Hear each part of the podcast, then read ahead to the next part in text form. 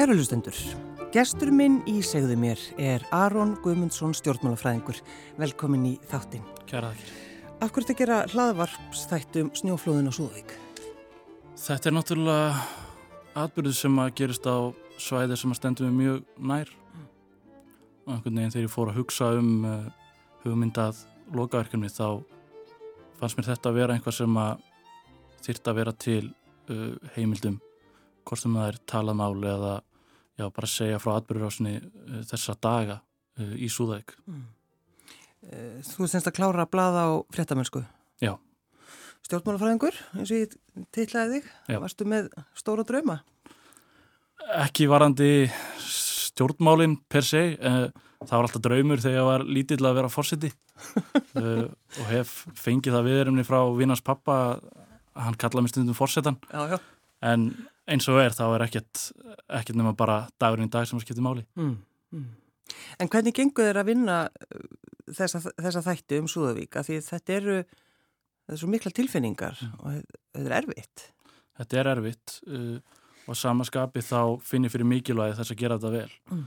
Uh, mér finnst þetta áhugavert og það fær mig til þess að hugsa um þetta daglega, vinna þessu daglega þannig að uh, þetta er alltaf einhvern veginn í huganum á mér þessa dagana Mm. uh, meðan ég er að vinna þetta verkefni. Hefur þú náðu að taka viðtölu fólk sem að hefur mist einhvern?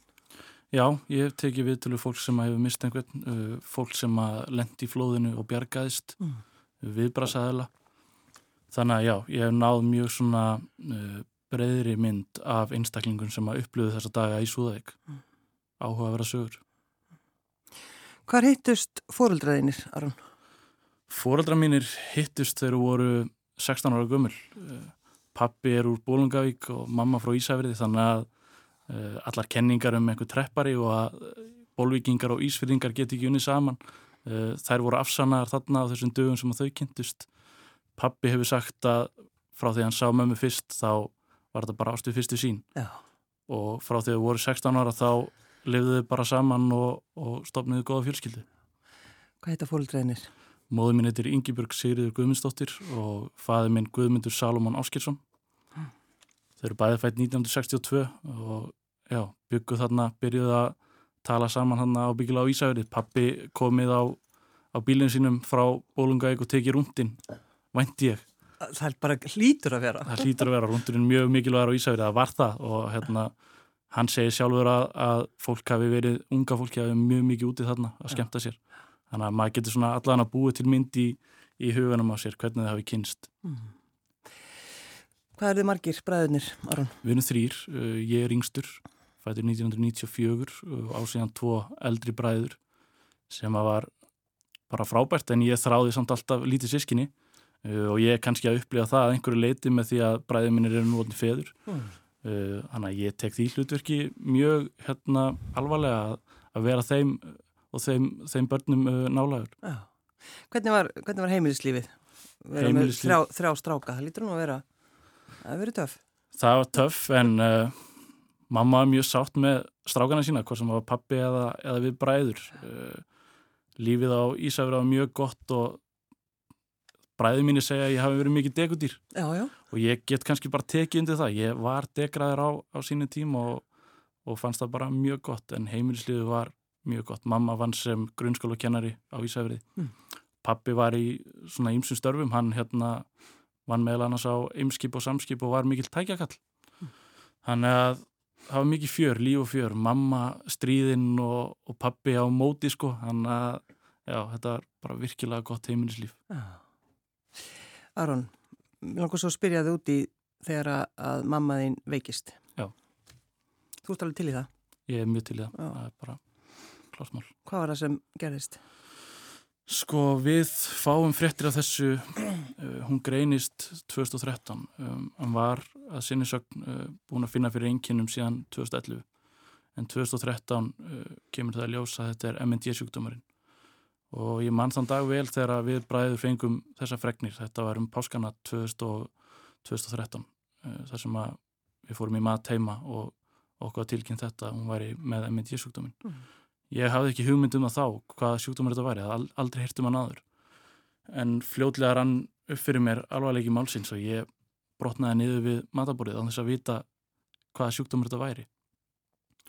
Tek síðan ákveðin setjum kvöldið að, að fara út og losa hugan uh, og ákveð þá að googla hann sjúkdóm sem að voru kannski bara stór mistök á þessum tíma.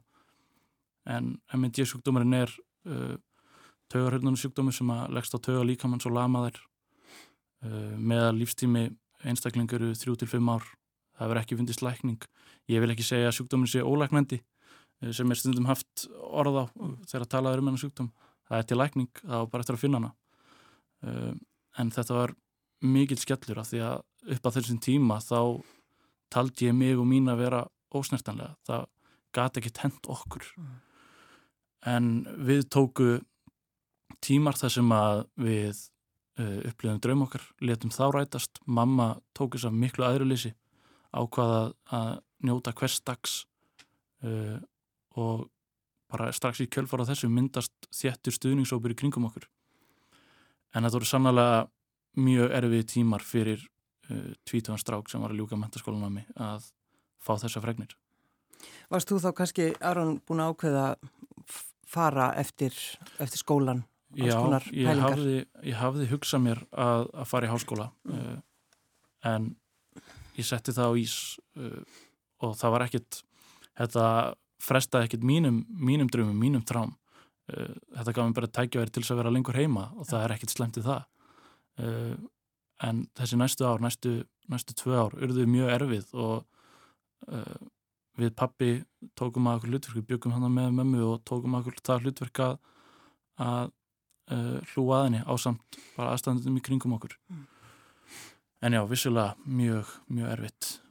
Hvernig, sko, þegar hún byrjar svo Aron að, að veikjast, mm -hmm. þegar þið fara að taka eftir, hvað, hvað er það sem að, að þetta er svo ólí, ólíkt er það ekki bara eftir personum? Jú, þetta er mjög ólíkt hvernig sjúkdómar leggst á, á fólk. Eh, það eru dæmum að fólk getur lifa bara lengi eh, með sjúkdómin en síðan er fólk sem fær sjúkdómi sem að hrakar mjög fljótt. Sjúkdómurinn hjá mömmu byrjaði í höfðun á henni. Uh, hún misti fljótt málið, átti sér erfitt með að, nærast venjulega þannig að hún fekk fljótlega bara næringu gegnum sondi. Sem betur fyrir var tekník komin á það stig að það voru komin talgerlar. Þannig að ég sá frétt í gærum að einstaklingar sem veru blindir eða, eða heyrnarskertir þeir var að óttast um það talgerlin Dóra er það ekki fáanlegur á Android uh, tækjum. Þessi Dóra uh, er eins og mín önnur mamma. Hún hafði samskiptu við mig í gegnum þessi ár. Þannig að þetta byrjaði í uh, höfðin á henni en sem betur fyrir með þennan sjúkdóm þá hefur hann ekki áhrif á heilastarsemina eða neitt svoleiðis. Mamma var alltaf allan tíman. Hún vissi alveg nákvæmlega hvað var að gerast í kringum sig. Þannig að hún misti aldrei minni eða neitt svoleiðis. Þannig að hún talaði við okkur í gegnum talgerfil uh, en hún þekkti okkar alveg fullkomlega. Sá hún einhver tíma við þig á þessum tímabili Aron, farðu og lefðu þínu lífi? Já, statt og stöðugt og gerum það uh, og ég leta hann að vita því að það myndi ég gera uh, en þetta var verkunum mitt á þessum tíma og þó þetta að vera erfið tímar þá voru þau samt svo fallegir og tengist mömmu betur á þessum tíma heldur en okkur svona áður. Uh, og það eru stundir svona erfiðir atbyrði sem að gera það. Mm. fær okkur nær hvort öðru. En þegar þú talar um að þau fóru að njóta lífsins, hvert, hvert fóru þau? Sko þau raun fóru vítum heim, við byrjuðum á því að fara í við erum öll mjög miklir knaspinu á hafamenn uh, og við bræðinir höldum allir með sitt hverju liðinu að sjálfsögðu hann að við ákveðum að láta stóra drömi rætast og fórum fljóðlega til Englands fórum á tvo leiki í ennsku úrastöldinu þar sem að allir gáttu séð sitt lið mm.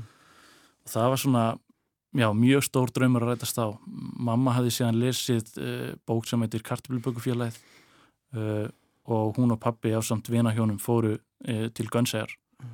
og skoðu þar um að því að mamma algjörlega hittlæst af þessari bók. Frábær bók líka. Já. Já.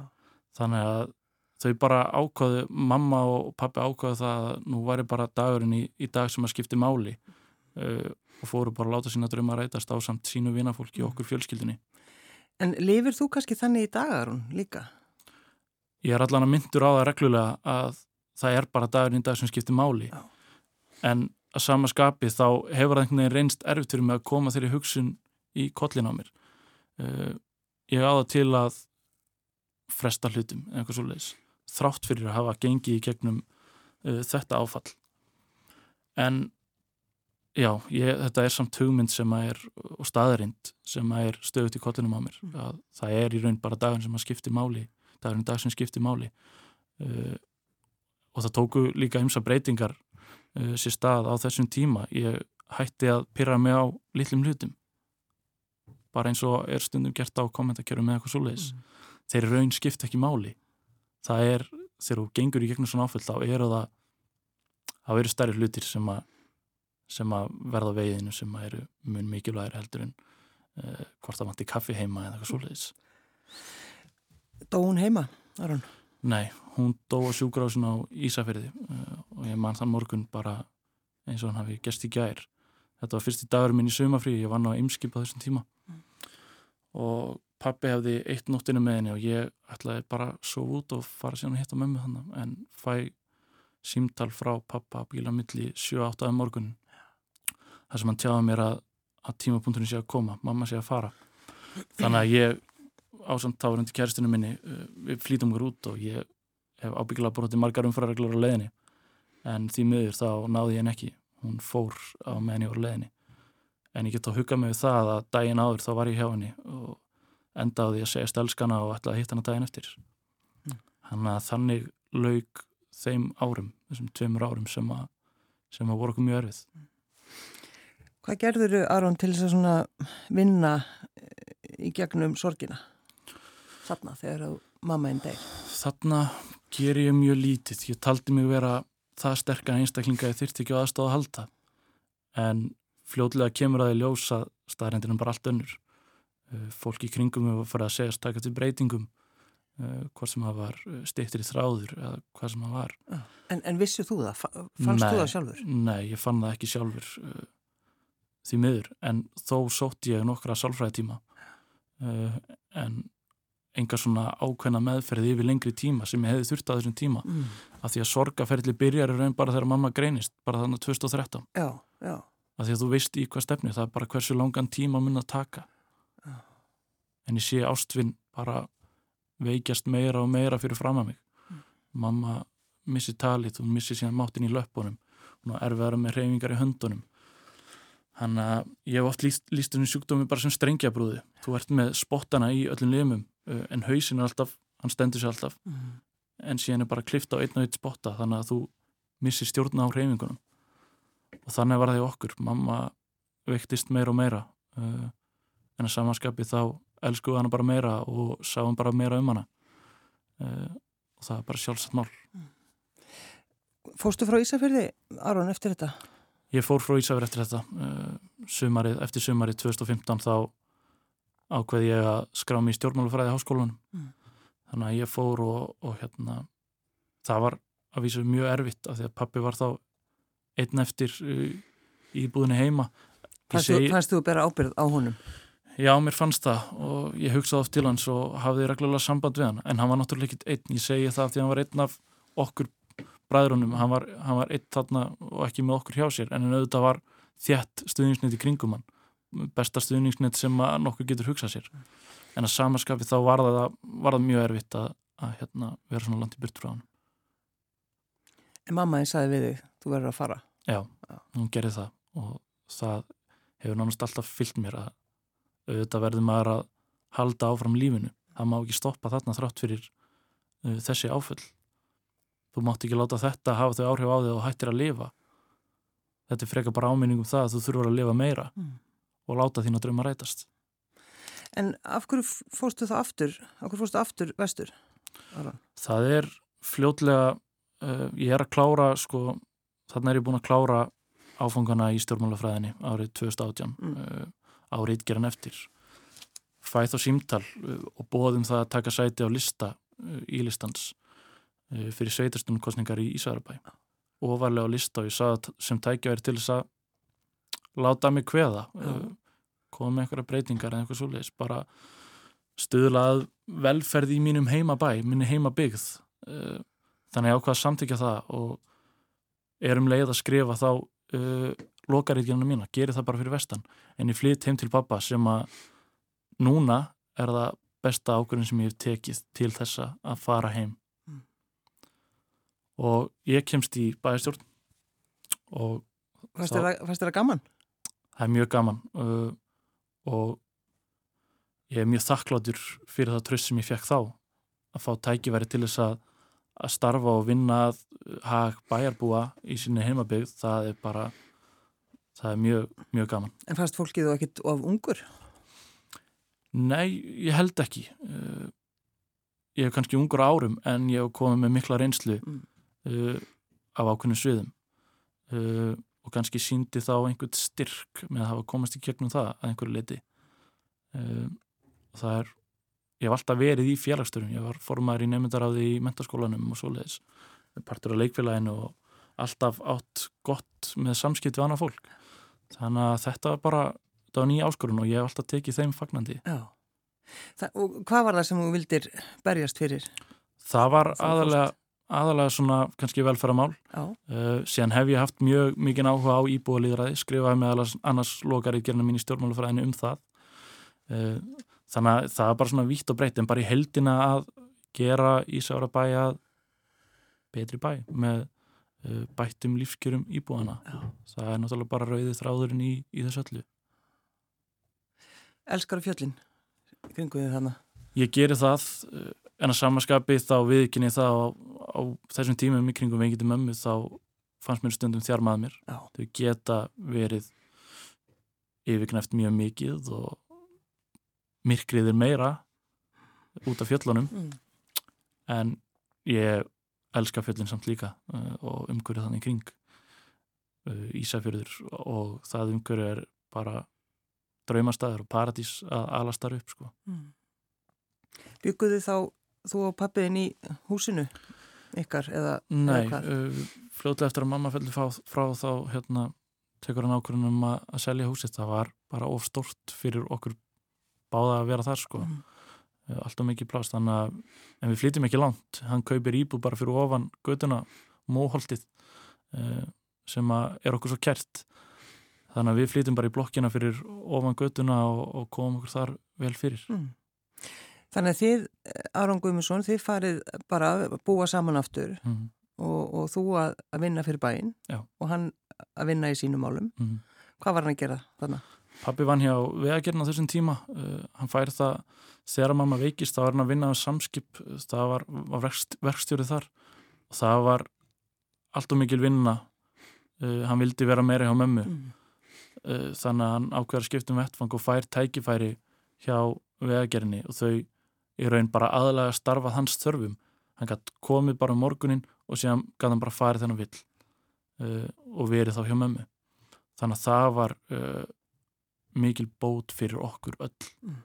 að hann gæti stjórna þessu og eitt af meiri tíma með mömmu. Eftir að hann fellir frá þá fær hann uh, fullstarf þar.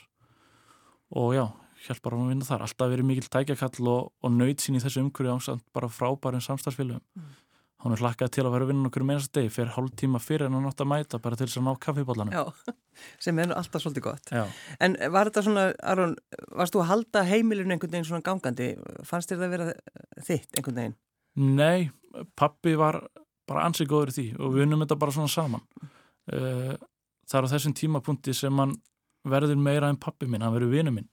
Þegar við erum búin að gangi gegnum ákveðna reynslu saman eh, og tengjum að því leiti á svona dýbra leveli heldur en áður uh, og náum þá ennþá betur saman, áttum sameila áhuga mál hvað var að tónlist, spiliðum saman á gítar og hann var í hljómsveit með vinnum sínum sem að ég bara ólst upp við að sjá spila mm.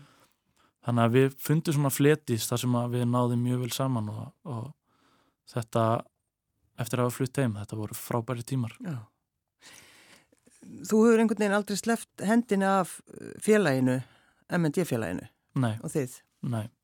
Ákvaða að uh, halda áfram bara einhvern veginn að vinna í tengslu með það. Já, Er þetta ekki varaformaður núna, félagsins? Jú, ég er varaformaður núna. Uh, Þetta er raun bara mín tengingu félagið er svona sterk af því að við fengum svo góðar móttökur svo góða þjónustu þegar að mamma greinist. Mm. hún sendir á sínu tíma tölvupost á Guðjón Sigursson sem er formaður endan daginn dag, búin að vera þarna í fjöldamörg ár og byggilega bara helst í baráttumadur uh, MND sjúklinga í heiminum uh, hún sendir tölvupost segist að vera að greinast uh, spyr út í félagið. Og þessum tíma var MND félagið að fara út til Dammerkur í ferð og hann bara segir hann að koma með mm. býðurinni og það var stutt í ferna sko hvort hann hafi verið vikuna eftir. Þannig að allt frá þeim tímapunkti þá reyndist félagið okkur uh, ótrúlega vel. Mm. og ég byrjaði á þessum tíma þá að hlaupa árlega í Reykjavíkumarathoninu reyna að gefa tilbaka uh, og hef gert það síðan þá Þannig að þú varst alltaf að, að æfa þig að hlaupa er það ekki? Jú. Og svo ferðu einn daginn út að hlaupa?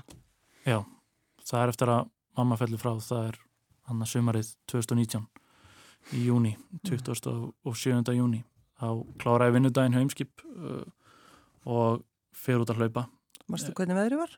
Já, þetta var bara mjög bjartur og fagur dagur það var bara heiður heiminn og sól og ég næði þessum þrjusu fína tíma að hlaup 10 km og ætla að hlaupa marathón þetta sumar, var aðeins með fyrir það. Já.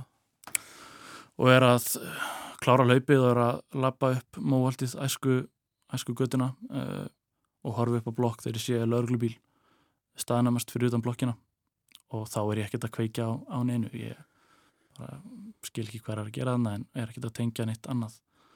Og held áfram að lappa að blokkinni þegar að stíga út til lauruglu þjóttun og, og prestur. Og á þeir, þeim tímapunkti þá sekkur hjartað. Ég kveiki strax á því hvað er að gerast.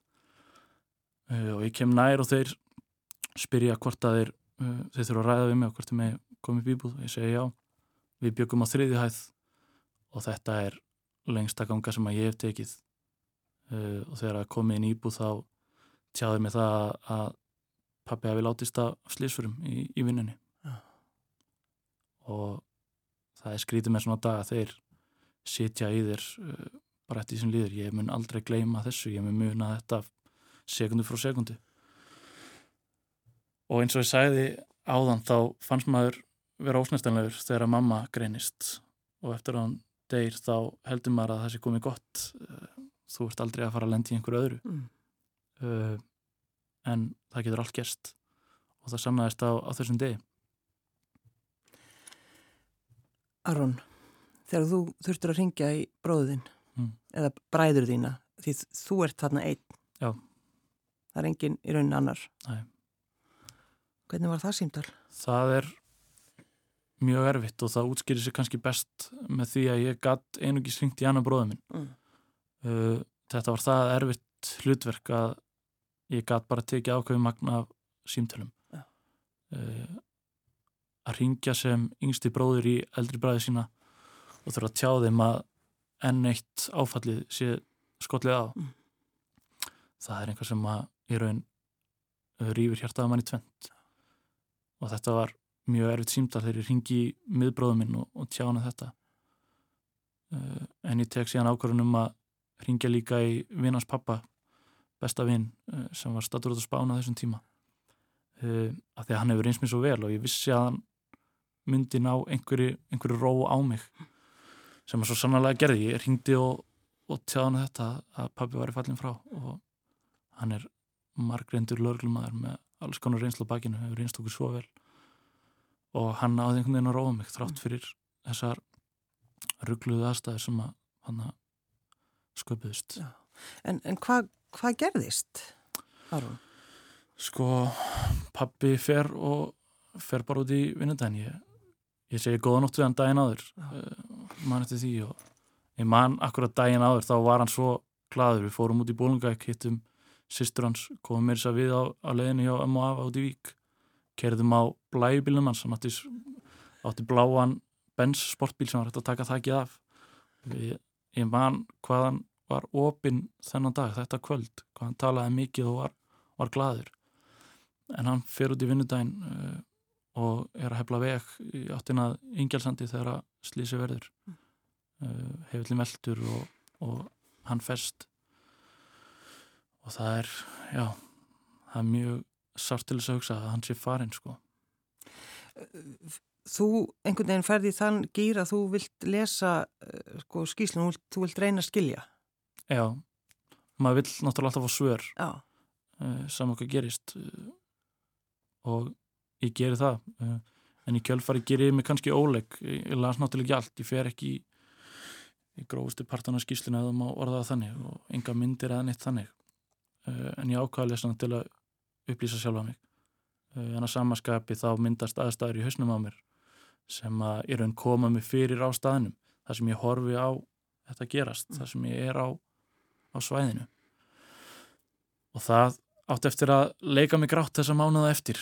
Uh, en sem betur fyrir hef ég hef ég tekist á það og, og það er hugsanir er á, á brott núna. Já. og hvernig vannstu því gegnum það?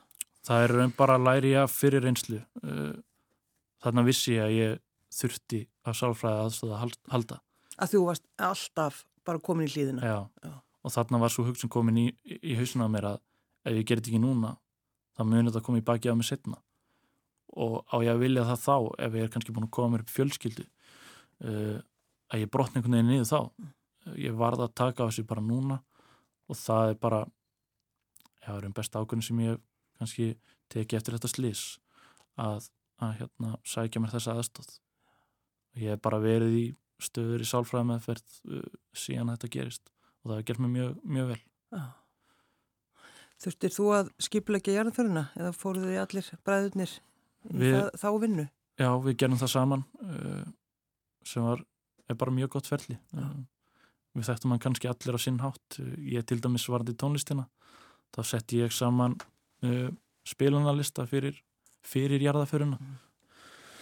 þannig að já, við komum allir, allir að þessu. Uh, það er bara okkar verkefni að, að takast á við það saman. Mm. og við genum það vel. Er þið miklu vinnir í dag?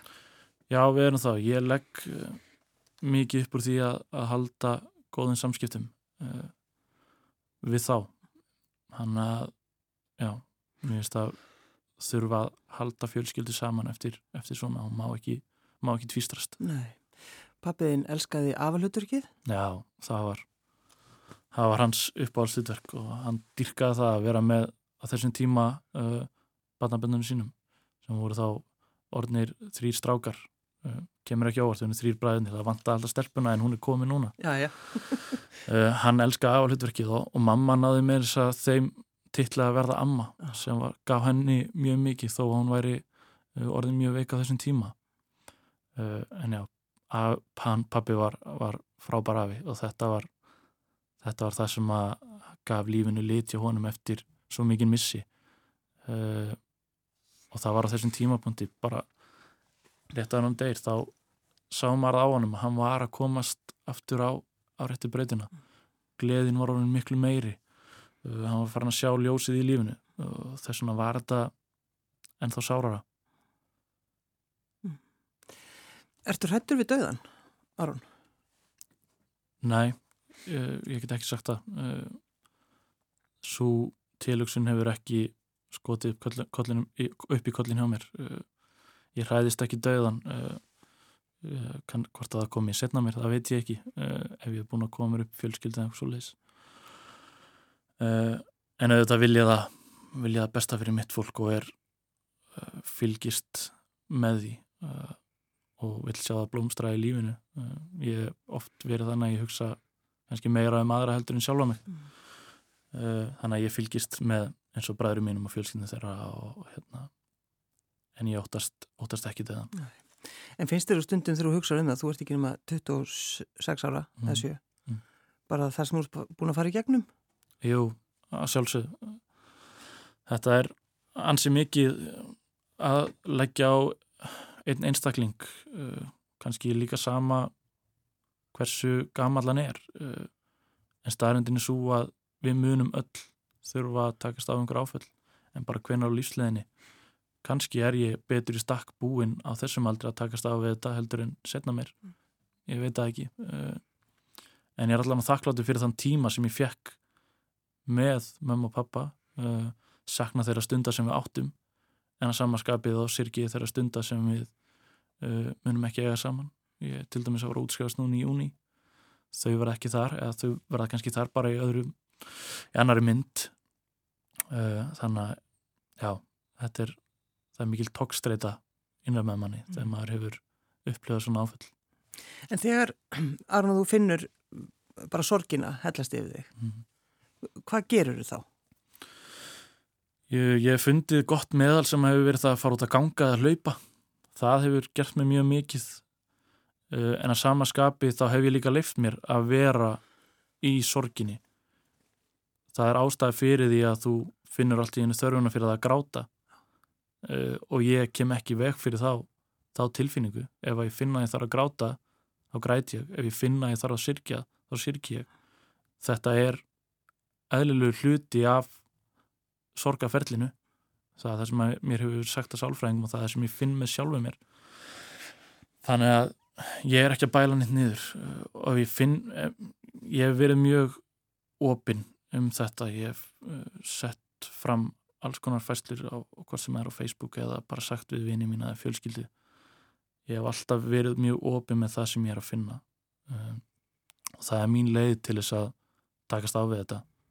Það eru bara að tjá það sem ég finn sjálfur uh, sama hvað tilfinningar það eru hvort sem það eru góðar eða slæmar.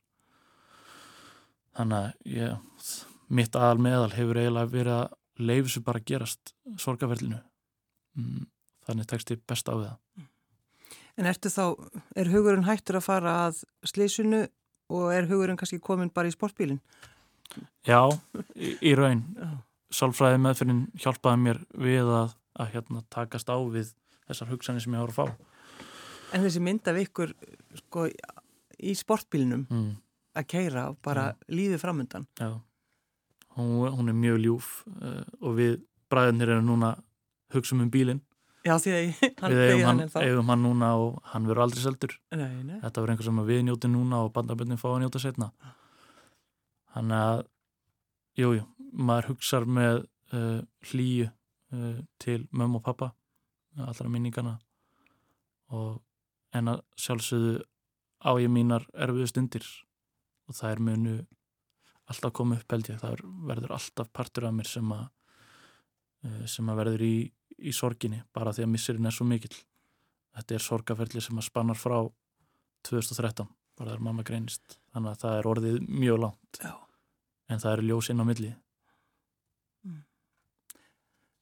Áttu kærustu?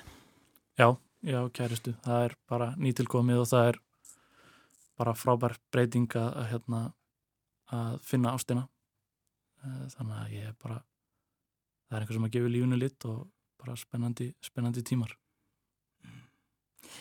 Finnst þið fólk sko vera feimið við að spyrja þið út í þetta allt saman, Aron? Allan hennar missi? Mm, kannski einhverju leiti en auðvitað færðu spurningar uh, kannski fólk bara að spurja sína milli uh, hvernig manni líður eða eitthvað slúðis mm. ég gerir mig grein fyrir því að það er mjög erfitt að spurja einstakling að einhverju svona sem hann hefur gengið í gegnum og eins og þegar pappi deyr fólk segir við mig að það heila geti ekkert sagt. Og það eru bara nákvæmlega þannig viðbröð sem eru eðlileg. Hvað átt að segja? Er, þetta er áfall en ég ætla hann að fagna bara spurningum þú veist, mér líður ekki ítla með að tala um þetta. Þetta frekar gerir mér gott að geta tjáð mig um þessa reynslu og ef ég get hjálpað einhverjum þá er það bara algjör, algjör bónus. Aron Guðmundsson, stjórnmjölufræðingur Takk fyrir að koma. Takk fyrir